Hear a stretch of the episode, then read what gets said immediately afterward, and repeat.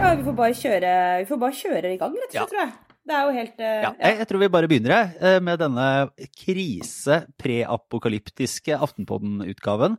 Eh, Velkommen. Vi, er, vi spiller inn litt sånn sent nå, da, torsdag kveld, fordi dette har jo vært en nyhetsdag og en historisk dag, må man kunne si, der alt mulig rart har skjedd. Og vi sitter jo da, som man blir anbefalt, på hvert vårt sted, i litt sånn selvisolasjon og karan ikke, ikke karantene, det er viktig, fordi eh, der har vi ikke kommet ennå. Vi er bare på hjemmekontor, alle tre. Så jeg sitter her, Lars Glomnes, og ser litt sånn eh, fra hjemme over på naboen.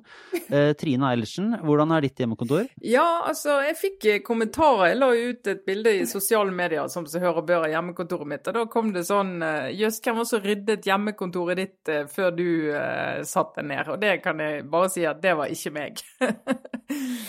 Jeg ser meg at det blir litt sånn ny sånn snikskrytgreiene. Det er sånn derre eh, Enten ta bilder fra hjemmekontoret der man selv ser litt sånn deilig ut, eller at eh, man på en måte har sånn en eller annen den, der, den lampa du har kjøpt som skal være litt Ja, ja, fancy, ja. eller en eller annen sånn ting som er sånn Ja da, eh, det er et bilde av at du jobber hjemmefra, men det er også et bilde av at du tilhører en eller annen liten Ja, jeg fikk to kommentarer på lampen på skrivebordet, så tenkte jeg ja, nemlig, nemlig. ja. Og du, Sara Sørheim, eh, har du, har du full kontroll fra, fra ditt hjørne av Oslo by? Altså, jeg ser altså rundt meg nå på et kjøkken som altså Det er så rotete her at Trine ville fått et slags infarkt av å bare komme inn her. Jeg kan eh, fortelle lytterne at nå satte jeg meg rett ned i det totale kaos. Jeg har kjøpt meg en kjøkkenmaskin i et anfall av en eller annen sånn ansvarlighet, og den eh, er nå halvveis montert, og resten er kaos. Men jeg bare tok meg et glass vin og satte meg ned og tenkte nå, nå får det bare Det får bare være. Ja, fordi det er jo det er fascinerende hvis vi nå får til dette, da, og nå er vi jo i starten, så, så vi vet jo ikke, men denne podkasten snakker vi på veldig, vårt, vårt veldig lille, snevre bit av dette samfunnsmaskineriet som skal fortsette å gå, selv om, selv om eh, alt eh, endres. Så kan vi, dersom det verste skulle skje, gjemme oss bort her og fortsette å lage podkast inn i eh, samfunnets Ja. absolutte sammenbrudd. Altså, Podkasten er litt sånn medienes kakerlakk. Eh, Det er det siste som eh, blir borte. Altså, kan, det er liksom det eneste som går an å bare fortsette og fortsette og fortsette med. Så det, ja. Så det, dette, skal, dette skal vi alltids klare å profitere litt på. Om det så blir det siste vi gjør. Eh, Når Oslo bare forfaller, og det er sånn derre Du ser, du ser liksom ut av vinduet, ser folk løper og, og, ja, med, med dopapiret sitt, da. uh, så, så er det en sånn derre siste lille undergrunnsradioen. Det er Aftenposten som, eh, som holder ut. Med litt mer hostende og harkende. Hvis det hadde vært en film, så hadde på en måte en av oss, uh, jeg vet ikke hvem, startet sånn i andre scene med et sånn lite host, og så hadde man visst at eh, resten kommer til å bli en lang, lang, trist eh, del. Nei, men eh, vi får vel kanskje se, se ut på Norge, fordi det har jo skjedd enormt store ting. Fra å ha seget litt sånn inn på oss Vi skal vel ta litt selvkritikk på hvordan vi har håndtert korona tidligere, vi, Ja, altså, jeg, jeg har tenkt litt på det, og jeg tenker at sånn som vi snakket om det forrige uke, tror jeg var ganske representativt for sånn det store flertallet i Norge tenkte og reflekterte rundt. Det var litt sånn ja, det er ting på vei, og vi ser at vi sikkert må gjøre noe, jeg lurer på hva det kan være, og når det kommer. Men, men du har ikke helt tatt alvoret innover det. da, og så var det jo i løpet av et par dager, siste to døgn egentlig, at uh, tallene utviklet seg sånn, og, retorikken rundt det, også fra sentrale myndigheter, utviklet seg sånn at uh, polletten falt ned sjøl hos de mest tungnemme, av oss. Ja. Jeg må si at eh,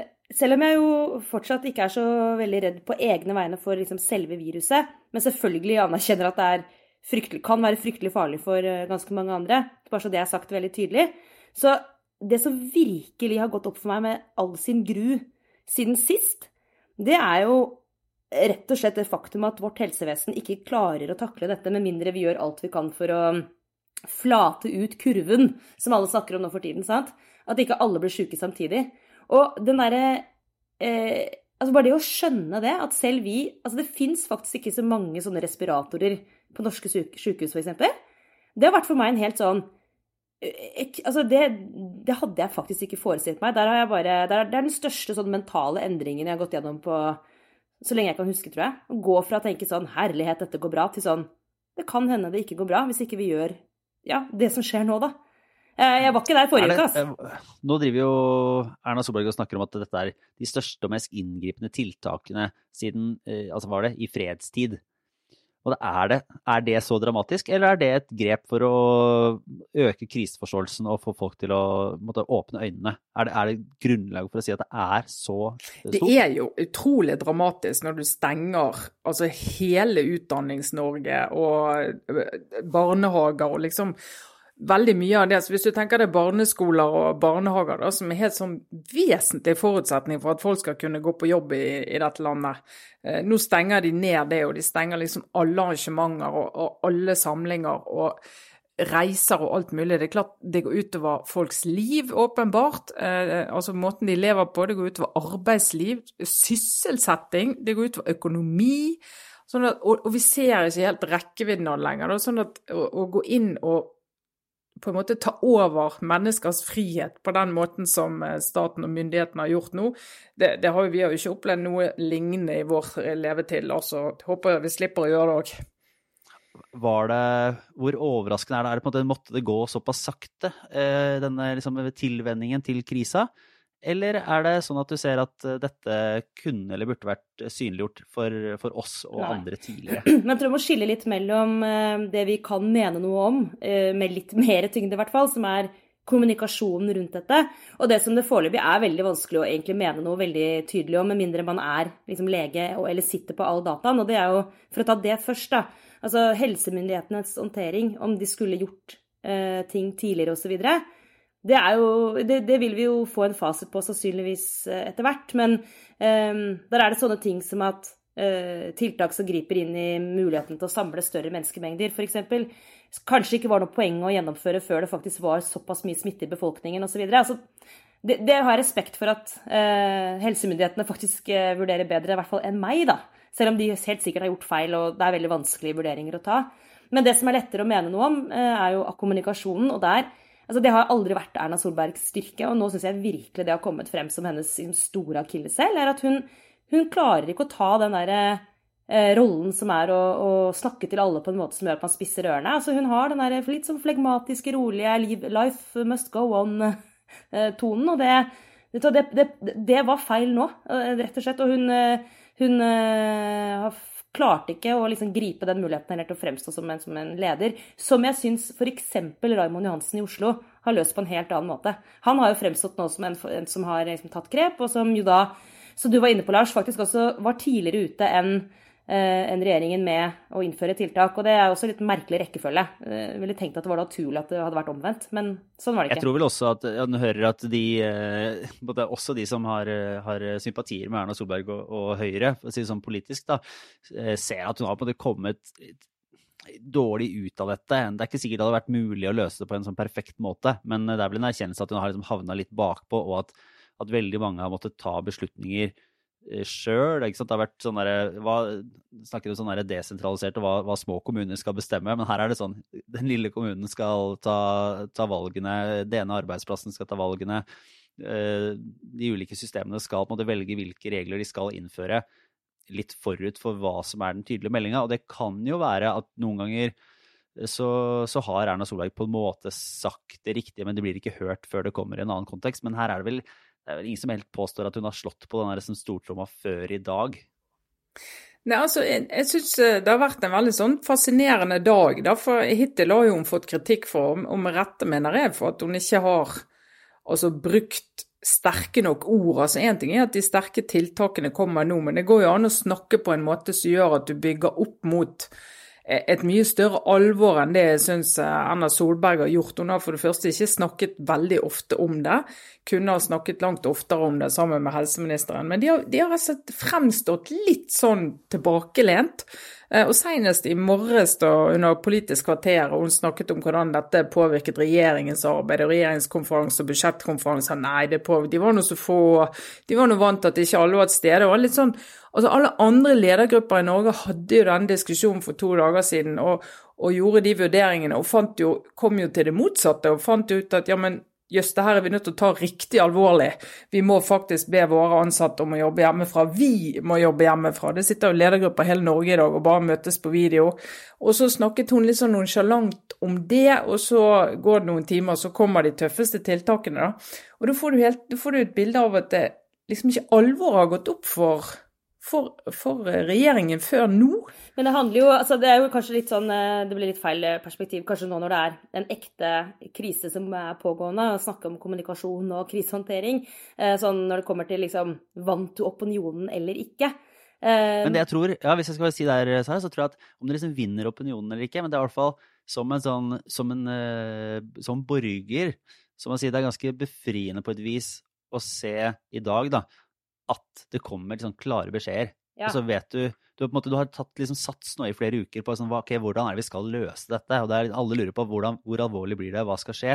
Ja. Så er det litt sånn forløsende å høre den derre dette kommer til å bli helt forferdelig. Eh, kommer, vi må stå sammen. Altså der, den der lille peptalken som gjør at du samler uh, folk og sier dette er vår oppgave. Mm. Oppgaven din er å være hjemme og, og, og, og på en måte passe på deg sjøl og andre, men bare konkret dette må skje, sånn skal det være. Ja. Det er strengt. Dette prøver vi. Da blir det sånn OK, nå kan vi gå løs på det. Ja, jeg ble faktisk... det, det tror jeg har en funksjon, da. Jeg er enig med deg. Jeg kjente faktisk også sånn personlig på en lettelse i dag, eh, når det endelig kom. For i går må jeg si at jeg satt på en altså, så jeg kan bare si litt om hvordan det oppleves dette her, da. Men eh, i mm. går, egentlig i forgårs og i går, så hadde jeg en så ekstrem følelse av bare sånn Ja, jeg, liksom, jeg var ordentlig redd og tenkte at det nå eh, nå er smitten ute overalt, og jeg begynte å bli så paranoid fordi jeg kjente så veldig på sånn behov for at nå må vi gjøre et eller annet. Samtidig som jeg egentlig har gått rundt og minnet meg selv på, på et av mine favoritt-Churchill-sitater. Alle journalister elsker jo å sitere Churchill sånn halvveis, eh, så jeg prøver å unngå det. Men akkurat, akkurat dette sitatet har jeg liksom tenkt på så mye, og det er at han visstnok eh, på et tidspunkt i War Rooms sa Don't just do something. Sit there. Og det har jeg tenkt en del på i det siste. at, at også kan være et godt råd. Da, at liksom, det var en periode hvor jeg tenkte at nå må ikke alle bare liksom lage sine egne løsninger og fly hodeløse rundt. Nå må vi liksom bare sitte og vente på at det kommer en beskjed. Litt sånn 1, 2, 3, her kommer en beskjed. Så det, sånn har jeg hatt det ganske lenge. Men i går, da kjente jeg Nei, vet du hva. Nå, nå da begynte jeg å vurdere skal jeg ta ungene ut av skolen sjøl. Altså, da begynte jeg å kjenne på en sånn ekte frykt og liksom følelse av at nå er samfunnet lammet, eller hva skjer? Så, ja. så poenget mitt var egentlig at på tross av at de beskjedene som kom i dag, er helt vanvittig eh, altså, jeg, altså jeg, bare, jeg, jeg, skjønner faktisk ikke hvordan dette skal gå, sånn rent praktisk. Så jeg er likevel letta over at det bare ble gjort. Og så tenker jeg Ja, eh, altså Den derre der oppgittheten, eller hva skal jeg kalle det for, eller mer sånn kanskje sånn følelsen av hjelpeløshet som jeg så i øynene til de andre foreldrene på skolen som henta i dag, den, det var et fellesskap i det òg, da. Men altså, eh, man må jo bare prøve og se. Men det blir jo noen eh, scener fra hjemmekontorer fremover som kommer til å være helt absurde. Det var fint. Jeg tipper det var mange som, eh, som, var sånn ja, ok, i går Fordi Aftenposten har jo da innført hjemmekontorer for, for de aller, aller fleste. En, bare en liten gruppe som sitter og skal drive nyhetsarbeidet og koordinere alle de som sitter rundt på hver sin lille holme og, ja, samme og NTB. Ja. Ikke sant? Og, eh, men den der beskjeden Det var jo beroligelsen av at ok, nå skjer det drastiske tiltak, nå er oppgaven bare å være stille. Og så får de sånn De slipper løs. Eh, hundretusener av unger på dere. Du, bare, du trodde det var vanskelig å få til det hjemmekontoret. Nå det fine også, Jeg hadde et lite møte med noen av lederne i NTB akkurat nå i kveld om en sånn, litt sånn ting vi bare måtte løse, da. I, i serien av sånne beredskapsmøter man bare har. Og da er det sånn, eh, sitter i telefonen med de, og så kommer eh, Aksel på, på, snart fire, og så vet han at jeg sitter i telefonen, så han har allerede, selv de små barna, fått beskjed sånn Nå kommer det til å være litt sånn at mamma snakker mye i telefonen. Så ikke forstyrr hvis det ikke er viktig. Så lista seg litt bort, og så bare prikka opp på skulderen, og så var det sånn Det er veldig viktig. Jeg finner ikke Spiderman men da, da må jeg si sånn beklager, nå må vi ta en bitte liten pause mens, før vi er ferdig med dette. For jeg er faktisk nødt til å finne Spiderman. Og alle vet at hvis ikke jeg finner Spiderman, så, så, så det løser seg ikke av seg selv. For å si det sånn.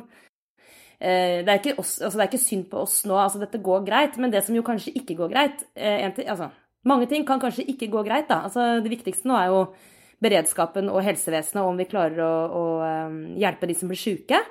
Og så kommer det noen økonomiske konsekvenser av dette som kan bli dritbrutale.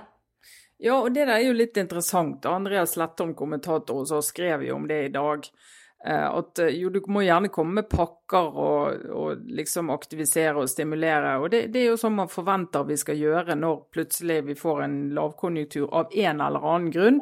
Så skal vi bruke alle pengene våre og finanspolitikken vår, det vi måtte ha for å holde hjulet i gang og aktiviteten i gang.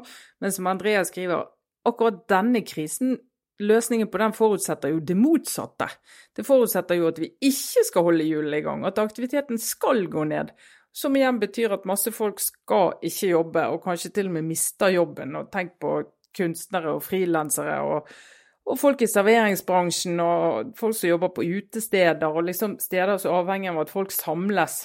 Hele den delen av norsk eh, arbeids- og næringsliv de, kan jo bli rasert bort i løpet av få måneder. Så det er jo enormt dramatisk. Og det, oppfordringen er jo nettopp at vi skal ikke stimulere. Og det er ikke sånn som det Kristin Halvorsen gikk på Karl Johan under finanskrisen med handleposer for å markere at vær så snill å gå Ja, men dere må gå ut og handle, kjære nordmenn, eh, for å bidra til at vi får eh, hjulene i gang igjen. Det er jo ikke sånn nå. Nå er det jo ikke gå på Karl Johan med shoppeposene dine. Sitt hjemme, sant. Så det er virkelig en helt annen type sånn dobbeltkrise. Vi skal se. Nå er det jo skal ikke være, skal være forsiktig med å gå for hardt ut på jeg vet ikke om vi skal kalle det her dag én eller dag eh, noen og tjue, men det er i hvert fall eh, den eh, første dagen der de virkelig strenge tiltakene har vært, vært innført. Men den saken her kan jo forhåpentligvis løse seg på en mer forsonlig og bedre måte for alle enn det, enn det, man kan frykte i dag. Men hvor viktig blir det her for sånn Erna Solbergs ettermæle? I hvilken grad skaper dette historien om statsminister Erna Solberg? Altså Det er jo få ting som henger ved statsledere så sterkt som minne om hvordan de håndterte en krise. Eh, vi vet at eh, Jens Stoltenberg ble snakket veldig fint om, bl.a. fordi han håndterte finanskrisen. Jeg tror Erna Solberg også har et godt ettermæle etter eh, oljeprisfallet i 2014. Mens denne gangen her så har hun jo ikke seilt gjennom det på samme måten. Og det har buttet på flere fronter. Og det har litt sånn med holdningen å gjøre. Altså det fremstår litt for er litt for laid back, rett og slett, når vi ser det alvoret vi står i nå, da. Selv om altså, vi skal få tidsnok for, for å håndtere tiltak og alvor og det politiske, men frem til nå så har i hvert fall det vært utfordringen, da. Det fremstår jo som om i hvert fall en del sentrale myndigheter har trodd at vi, eller tenkt at vi hadde bedre tid til å forberede oss på det som skulle komme, og kanskje håpet at andre land skulle greie å stanse det, og at det skulle hjelpe oss. Eh, og så kommer det litt så, sant, Vi er jo ikke i posisjon til å anklage de for å ikke skjønne altså, alvoret i de tallene de har. Du må jo på en måte forholde seg til det de har, da. Men, eh, men det er jo Altså for Erna Solberg og Raymond Johansen, som i dag har besluttet på hver sin måte å stenge alle skoler og barnehager, det er jo ikke noe man gjør med lett hjerte. Man vet jo det at det er helt krise for eh, innbyggerne og hverdager, tusenvis, hundretusenvis av hverdager som bare blir snudd helt på hodet. og ja, Vi sitter nå her hjemme og prøver å finne ut kan barna leke sammen, kan de ikke. sant? Det er enormt mye praktisk. Alle korpsarrangementer til, som er nærliggende for meg, da, blir avlyst og utsatt, og ungene blir lei seg, og du vet Alt sammen. Så er det sånn Men mamma, må det være sånn? Ja, sånn må det være. Ja. Ah, men tror du i etterkant av, dette her, uh, uavhengig av hvordan det går, det sånn, blir dette en politisk sak? Eller er det måte, overpolitisk fordi det er så stort for, for, landet? Altså, disse tiltakene er jo helt enorme. så det er jo Selv om man skulle greie nå, og det får vi jo virkelig håpe, at dette bidrar til å bremse smitten, og hvert fall sånn at takten blir såpass lav at vi får spredd det utover lang tid, og vi ikke får disse store toppene som gjør at helsevesenet knekker sammen så tror jeg jo du vil få en kjempesvær sånn politisk gjennomgang av det. For bare hele forarbeidet før du kommer i en situasjon med sånne tiltak, er jo politisk interessant. Så du må jo Det vil jeg tro vi er ikke ferdig med dette her på lang tid. Verken politisk eller helsefaglig. Ja, ikke sant? Vi, ettergå, vi må ettergå eh, hvordan nylig eh, avviklede folkehelseministre og beredskapsministre har eh, gjort jobben sin. i Ja, de, de, vil jo kanskje tenke at med en gang vi sluttet, så raknet alt. det er der vet du, dette blir deres store, det store forsvaret for de litt sånn utskjelte ministerpostene som har vært usynlige og sett på som sånne symbolting. Ja. ja, det kan vel hende at det også går andre veien, at man ser at man hadde faktisk på en måte fokusert på områdene nok til å sette, ha, ha, statsråder der, og likevel så ender man i en situasjon der man må stenge ned hele landet. Mm. Mm. Vi kan jo bare benytte anledningen til å, apropos eh, bransjer og ting som stopper opp, vi har jo eh, planlagt vår Eh, livepodkast i uh, slutten av mars, og den er jo da naturligvis Nå er det faktisk forbudt. Ja, så, men det har så, fått veldig lite oppmerksomhet, syns jeg, at den er avlyst. Av, av, alle tap Norge lider, så vil jo dette være Så jeg vil jo bare si til de som, uh, som hadde tenkt seg dit, at den er jo da nå utsatt, og vi jobber med å finne en ny dato for det. Og, det blir i 2028. eller du sånn? 2028, ja, vi, vi, vi, håper at det ikke blir fullt 2028, men det blir nok heller ikke uh, umiddelbar nærhet. Jeg vil jo, vil jo, håpe at det kanskje er nærmere sommeren, og så skal vi få mer detaljer rundt det, da. Men det, uh, det er jo helt naturlig at det ikke skjer, dessverre. Så vi håper folk er tålmodige med det, og så skal vi finne en løsning. Men en ting vi kan være ganske sikre på, da, det er at uh, det kommer til å være Nå er jeg tilbake i Norge. kommer til å være liksom, altså Temaet for vår livesending som nå ble utsatt, var jo borgerlig kaos. Uh, og det er liksom trygt og godt midt oppi det hele. At, at liksom, uh, fordi her er det ingenting som tyder på at uh, liksom, dette blir ordnet opp i. I, i skyggen av den, de store hendelser så fortsetter det i minipartiet Venstre, der Trine Skei Grande i løpet av de siste dagene plutselig sendte beskjed til Erna Solberg om at ja, også sitt eget parti, da, for all del, men også til Erna Solberg, som sittende med alt dette i hendene, fikk beskjed om å finne seg en ny kunnskapsminister. Det er eh, ryddige, ryddige opplegg i Venstre om dagen. Ja, altså jeg, jeg, jeg, tenker jo av alt Anna Solberg har på tallerkenen nå, så var det, var, var det, kanskje dette hun trengte minst. Og jeg ser jo for meg, eh, for meg hun får telefon fra Camilla Stoltenberg på tirsdag og skal fortelle at nå nå går tallet i taket her, statsminister, og så plutselig ser hun ringer i den andre telefonen og sier bare vent litt, det er fra ja. Grande, jeg må bare høre. Og så kommer hun og sier du, jeg trekker meg. Ja. Nei, du kan ikke nå, du, du, kan ikke gjøre det nå. Jo, jeg vil ikke mer. Nei, men du, ikke, ikke nå, du er utdanningsminister, nå skal vi stoppe alle skoler og alt. Ja, men det får bare være, jeg trekker meg. Nå er det nok. Og så over igjen til Stoltenberg og sier du har en liten krise her sånn på bemanningssiden, kan jeg ringe deg opp igjen? ja, men, men i hvert fall så er det jo det er jo helt absurd at de havnet der, men så er det jo bakteppet, det må vi jo ikke glemme. Eh, det er jo en lang, vond venstrehistorie fra egentlig flere år, men særlig i høst og vinter, med lederdiskusjon. Eh, og så skrev jo, havnet jo partiet der at de innstilte enstemmig på, eller valgkomiteen på at eh, Trine Skei Grande skulle bli partileder. Der har de ikke kommet lett. Men så skrev jo Erik Mosveen, vår kollega i VG, et eh, fantastisk epos om hva som egentlig hadde skjedd i kulissene her. Og, veldig, veldig god sak. Veldig, veldig god sak. Og han skriver jo at uh, Trine Skei Grande da får sine to rivaler inn i regjering, Abid Raja og Sveine Rotevatn, uh, i bytte mot at de sier at de ikke er kandidater til ledervervet. Og da er det liksom bare én igjen, og så for å få ro og orden på alt dette her, så innstilte de på hun. Men dette er klart at denne historien ser jo ikke pen ut for alle de i i Venstre som har vært misfornøyd med denne innstillingen i utgangspunktet. Så når hun nå gir seg, så er det jo ikke altså på grunn av den saken til Mosveen, selv om den var helt fantastisk, men det blir jo dråpen i et parti som allerede egentlig er dritsur og forbanna. Men det ble sett på som et ja, ulike sånne maktgrep hun tok. Men er det Tenker du at det i utgangspunktet var ufint dersom det blir inngått en sånn avtale, eller det, er jo vanskelig å vite da ut fra én sak, selv om jeg er ganske trygg på at den stemmer i, i hovedbildet. Men er det, er det noe det,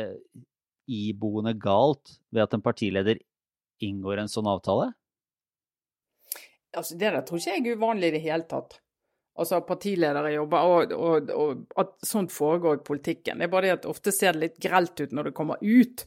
Eh, det er det ene. Men det andre er jo at hvis du skal kunne overleve et sånt maktgrep, så må du Altså, du må ha en posisjon som gjør at hvis det kommer ut, så er ikke det det som velter deg. Men hvis posisjonen din er veldig svak, så er det det som velter deg. sant? Så du må i hvert fall Og det viser jo hvor svak posisjon Grande har hatt i partiet siste året. da. Det hadde nok vært en fight, og det er ikke sånn at eh, verken Sveinung Rotevatn eller Abid Raja har hele partiet bak seg. Eh, men det både var og er et faktum at det hadde jammen ikke Trine Skei Grande heller. Sånn at den eh, beslutningen om at hun skulle fortsette, og at ting liksom falt på plass, det var, det var, på en måte ikke akseptert i partiet og fra grasrota. Og, og Trine Skei Grande fikk jo et opprør mot seg selv fra sitt eget fylkeslag i Oslo. Og da var det vel, jeg vet, det, det var vel påbegynt, den prosessen, sies det i hvert fall fra, fra, Grande selv, om beslutningen om å gi seg før saken kom i VG. Men eh, det ble vel tydelig at her var det ikke noe, det ikke noe vei å gå. Hva var det hun sa? Siterte plutselig Benito Mussolini. Det er jo alltid et eh, litt sånn eh, merkelig det er, ikke, det er, ikke, vanligvis det som trekkes fram da, av liberale eh, politikere i, i, i, Norge, i hvert fall. Om at var det, det, er mulig, annet, det er mulig å styre Italia, men hva er poenget? Og da får du jo da, Det er en politiker som har gitt opp ganske mye. Partileder som kanskje ikke har kjempetrua på at det her kommer til å vare, og da er det vel er det greit å gå. Men hun er jo sikkert uh, utrolig lei seg. Altså, uh, altså, jeg håper hun kan tilgi oss for at vi Dette er på en måte Man må liksom le litt òg. Og jeg, jeg, tenker også for lytterne våre som nå er veldig veldig prega av det som skjer, så kan hende noen synes det er rart at vi flirer og ler så mye som vi gjør i det hele tatt. Men for meg i hvert fall, da kommer det ikke utenom at du må finne det komiske elementet i alt i livet. Hvis ikke så blir det alt helt sånn uutholdelig. Så jeg håper liksom Trine Skei Grande kan eh, også på et eller annet tidspunkt tilgi oss for det. Men det er altså sånn for hun har virkelig gjort en eh, altså Det er mye bra å si om henne som politiker, men dette her, denne, denne avgangen her er liksom så spektakulært eh, tryn. Fordi tenk om hun bare hadde eh, sagt tatt det signalet fra valgkomiteen da det kom, når de faktisk, i hvert fall ifølge um, dem selv, da har ikke hun kommentert på det tror jeg helt direkte, men hun skal visstnok ha fått beskjed om at du har ikke tillit. Vi vil at du skal trekke deg. Og hvis du hadde gjort det da, så hadde jo veldig mye vært spart. Det hadde blitt et mye mer verdig sorti. Men too late. Ja. Jeg må jo for øvrig, eh, da kan vi jo det, det har jo vært et uh, slags uh, shitshow fra, fra, start til slutt, akkurat den prosessen der, sånn når det ender som det gjør. Men jeg kan jo da ta med Jeg vet ikke om vi skal kalle det et godt, men ubekrefta rykte, jeg. Som er eh, det, er, det, er jo ikke noe, det ikke noe hemmelighet, det ligger helt åpent ute. Men Ola Elvestuen, det snakket vi om, han slo seg jo ordentlig vrang og var misfornøyd med at han måtte gå av som klima- og miljøminister. Ja, det, det jo, var han. det er jo helt, uh, helt Ja, det, det, det, er vel ikke nødvendigvis heldig for partiet, men han er vel hans rett på et eller annet vis. Men den fascinerende lille Han har jo da Ok, jeg starter her. Politikere Det har ganske mye å si hvem de har som, som støttespillere på hjemmebane, virker det som. Og nå skal ikke jeg legge for mye skyld eller peke noe fingre, men jeg syns det er, morsomt. Eh, Ola Elvestuen gifta seg jo for, eh, for, et par år siden. Det ble jo en sak fordi han hadde en sånn eh, ulv på bryllupskaka si. det var på den tiden i vårt liv hvor sånne ting var nyhetssaker. Det er nesten litt sånn rørende. Ja. Blir nesten litt sånn nostalgisk av å tenke på det. Det var jammen en stor sak at det hadde ulv. Masse folk var sinte. Ja. ja. Ikke sant. Og da gifta han seg med sin Gordana. Eh, som, eh, som, har flytta til Norge, gifta seg med Ola Elvestuen. Er, en eh, forsker og, og, veldig smart dame. Som også nå har bytta navn. Og da syns jeg at den påstanden om at Ola Elvestuen var på en måte klimaets redningsmann, internasjonale klimaprosessenes store hjelper, han nå, er nå gift med Greta, som har plukket et symboltungt nytt fornavn. Eh, og for øvrig er et eh, slags lite sosiale medier-fenomen. Eh, der hun legger ut støtte til sin mann på Twitter og Facebook. Og ikke minst på Twitter, der hennes i, i går retvita en, en, eller annen persons tweet som var omtrent sånn Nå er det bare Ola Elvestuen som kan redde Venstre. Så så, nei. så bare eh, Hvis du er en bitter, nylig avgått politiker, så kan det hende at du egentlig trenger litt sånn eh, støtte hjemmefra som tar deg ned. Som ikke, som ikke, snakker om at du skal redde partiet, men kanskje mer sånn Det går bra, Ola. Du kan, eh, kan Du kommer til å finne deg en annen jobb. Ja. ja, ikke sant. Dette ordner seg.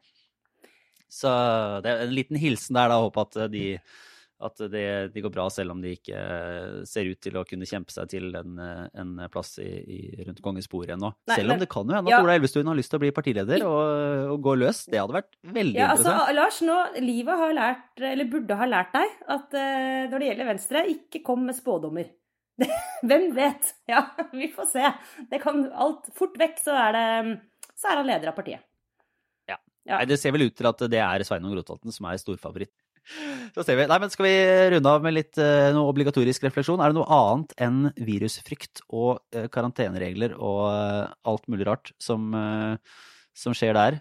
Nei, det er ikke det. Så vi må så vi må snakke om hamstring. Vi må Ja. det, altså. Og det er, jo, eh, det er jo Jeg skal ikke si at vi ikke har hamstret i det hele tatt her i huset. Det skal ikke jeg si. Jeg skal ikke si det, for det har vi gjort litt. Men når jeg ser hva enkelte driver med i dag, med sånne svære lass bare, Det er så svære at de klarer ikke å få de ut i handlevognen engang.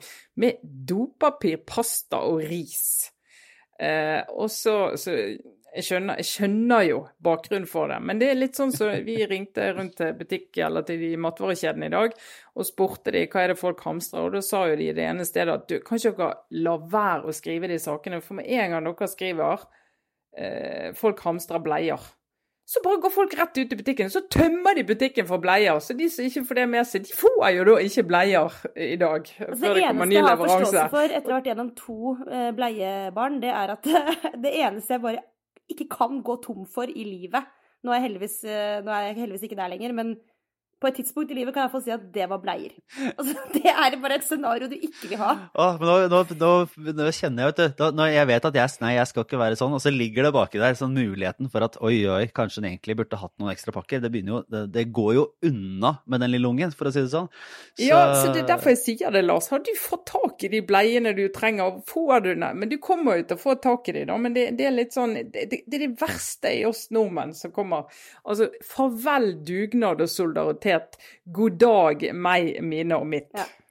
Gå og kjøp, eh, gå og kjøp bleier, men ingenting annet. Altså, jeg, helt, jeg må bare si, Trine, at det der må vi, det må vi si sånn på alvor òg. Sånn, det er ikke krise i matvareforsyningene. Slapp av. eh, Vi må ikke gjøre situasjonen verre enn den er. Det var ikke noe mat igjen noe sted i noen butikker her i nærområdet da jeg hadde henta barna i dag. Så jeg, jeg var så stolt. Gikk inn på Joker og kjøpte én ting. Tenkte nå nå, Da følte jeg meg kry og stolt. Tenkte dette er samfunnsborger Ja. nummer én. Det er en sånn derre Det er sånn elitens uh, lille protest. Ja. Det er å gå inn på butikken i dag og bare kjøpe én ting. Jeg har eh, handlet, ja. Jeg har vært innom Jeg mener jeg eh, står meg veldig på å ha vært innom et uh, sånn takeaway-sted og handlet en uh, dobbel dose sushi. Det er, det er bare jeg sånn tydelig at her er det ikke noe å handle for neste måned. Dette er fullstendig for eh, dagen i dag og øyeblikket nå. Ja, vi handler for neste timen. Vi lever i nuet og veldig lojalt til myndighetenes retningslinjer. Sitter på hjemmekontor og spiser sushi som varer i en time. Ja. Men altså, dere, men altså helt, helt alvorlig, det, det er for det første et interessant spørsmål. Men for det andre, og det er, dette er jo på alvor, det er jo at ofte så er sånn et folkeslag sitt lynne egentlig bare tull. Det er noe man liksom Harald Eia kan lage programmer om, og man kan synes det er gøy, eller Linda Hofstad Helleland kan skrive et eller annet piss på Facebook om liksom her i Norge spiser vi vafler, eller whatever. Men akkurat nå så er det for en gangs skyld viktig hva slags lynne vi tar frem. Altså, jeg eh, er ikke helt eh, klin sikker på at vi har den samme respekten for autoriteter her i landet eh, som f.eks. i Kina og Sør-Korea. Eh, eh, men nå er det litt sånn Og jeg, jeg fatter ikke det er dorullhamstringsgreier å se på som et sånn endetidstegn. For det er liksom Drit i det, bokstavelig talt. Nå må vi bare prøve å gå i takt. Vær så snill. Eller gå ut i skogen alene hvis du vil det. Men nå er det helt avgjørende at folk bare slutter rekken, altså. Vi kan ikke drive og freestyle og lage sånne egne regler. og vi, vi må rett og slett bare Ja. Nå må folk skjerpe seg, og de må gjøre det de får beskjed om. Det var min OR for øvrig. Jeg tenkte egentlig at jeg skulle komme med en, eh, en enkel og grei liten anbefaling. Jeg. Det var en strålende podkast som folk kan høre på når de eh, går rundt og prøver å unngå eh, resten av husholdningen sin, da, når det er på 20. døgnet i nært nært Å samliv. gud, ja. så kan man f.eks. høre eh, den podkasten, altså Reply All, som jo er veldig bra hele veien, og jeg har anbefalt før. De har en vidunderlig liten historie som jeg tror alle kan eh, nyte, om eh, Hva er den heter for noe? The Case of the Missing Hit, eller noe sånt. Jeg tror det er i hvert fall nummer 158, hvis ikke jeg tar feil. Og den er eh, nylig, eh, nylig kommet ut, som handler om en fyr som ikke, Det er faktisk mulig å liksom spoile denne, så jeg skal ikke si altfor mye. men han det er en fyr som blir helt gæren av at han ikke finner ut hvilken låt det er han husker fra 90-tallet. Og så går de på en slags jakt inn i populærkulturen og, og eh, psykologien eh, for å finne ut hva dette kan være. Det er veldig eh, morsomt, lett og noe helt, helt annet enn at verden går under. Så det kan være en liten anbefaling her, da. Den Reply All, og så heter den et eller annet The Missing Hit, tror jeg, nummer 158. Den kan anbefales. Uh, var det noe mer da? Skal vi se. Jo, vi har, no, vi har en ny uh, en, liten, en, en liten historie på tampen om den nye logoen vår. Fordi vi har jo da jobbet, fått en ny logo. Det gamle bildet var utdatert. Vi eh, vil være mer moderne. Trine har klaget på det veldig lenge. Eh, men så har jo da vi satt ut dette til vi har eh, flinke folk, og noen som har lagd dette her. Og så falt vi ned på den som var, da. En oransje, sånn, litt sånn Riksløve-aktig eh, greie med podkaststativ. Fin den. La den ut, brukte den i to dager. Og så dukker det opp et, av alle ting, et P1 radioprogram som heter Landsmøte. Som jeg aldri har hørt eller hørt om, som sikkert er helt fantastisk bra. Så eh, alle sammen, eh, hør på landsmøtet på NRK P1. Jeg antar det er topp. De hadde en ikke helt lik, men sånn Oi, det var for likt Oi. eh, logo. Så vi har mista logoen vår igjen. var- altså, det dette var helt- til og med nytt for meg, Lars. Eh, så nå, har, nå er vi tilbake til Ja. det migrenebildet som har vært der i fire år. Nei, men nei, nå skal dere høre. Det her skjer Altså, det skjer så mye i disse dager. Så nå har vi en helt ny en, som vel forhåpentligvis er med på denne utgaven, da, når den går ut. Som er en eh, modifisert annen variant, men vi får jo bare beklage. Det var en helt tilfeldig eh, sånn eh, sammenfall og likttenking. Det var ikke at vi prøvde å stjele logoen til et NRK radioprogram, men nå har vi en ny, modifisert og etter alt å dømme helt egenartet og, og, og vår Altså, egen Lars, jeg tror folk er veldig takknemlig og glad for at du fikk informert om dette. Eh, ak eh, sentral og kritisk informasjon å få formidlet ut. Så det er tusen takk. Men er det ikke fint? For jeg tenker at på samme måte som vi får liksom lettelse når Erna Solberg bare kommer ut og sier det sånn som det er, så prøver jeg å være en sånn OK, eh, jeg vet det har vært bekymring, det har vært en vanskelig tid, det har vært litt mye fram og tilbake. Sånn er det. Sånn skal det bli. Ja, det Eh, Jeg tror vi har det på stell, og vi gjør i alle fall vårt aller beste og prøver så godt vi kan. Så uansett, eh, det var denne ukas podkast. Vi er tilbake neste uke eh, og prøver å levere fra vår lille undergrunn i eh, preapokalypsen. Eh, Vask hendene og oppfør dere ordentlig, alle sammen. Så skal vel dette gå bra også. Eh, Takk for oss. Det var Trine Eilertsen, Sara Sørheim og jeg er Lars Klomnes. Ha det bra.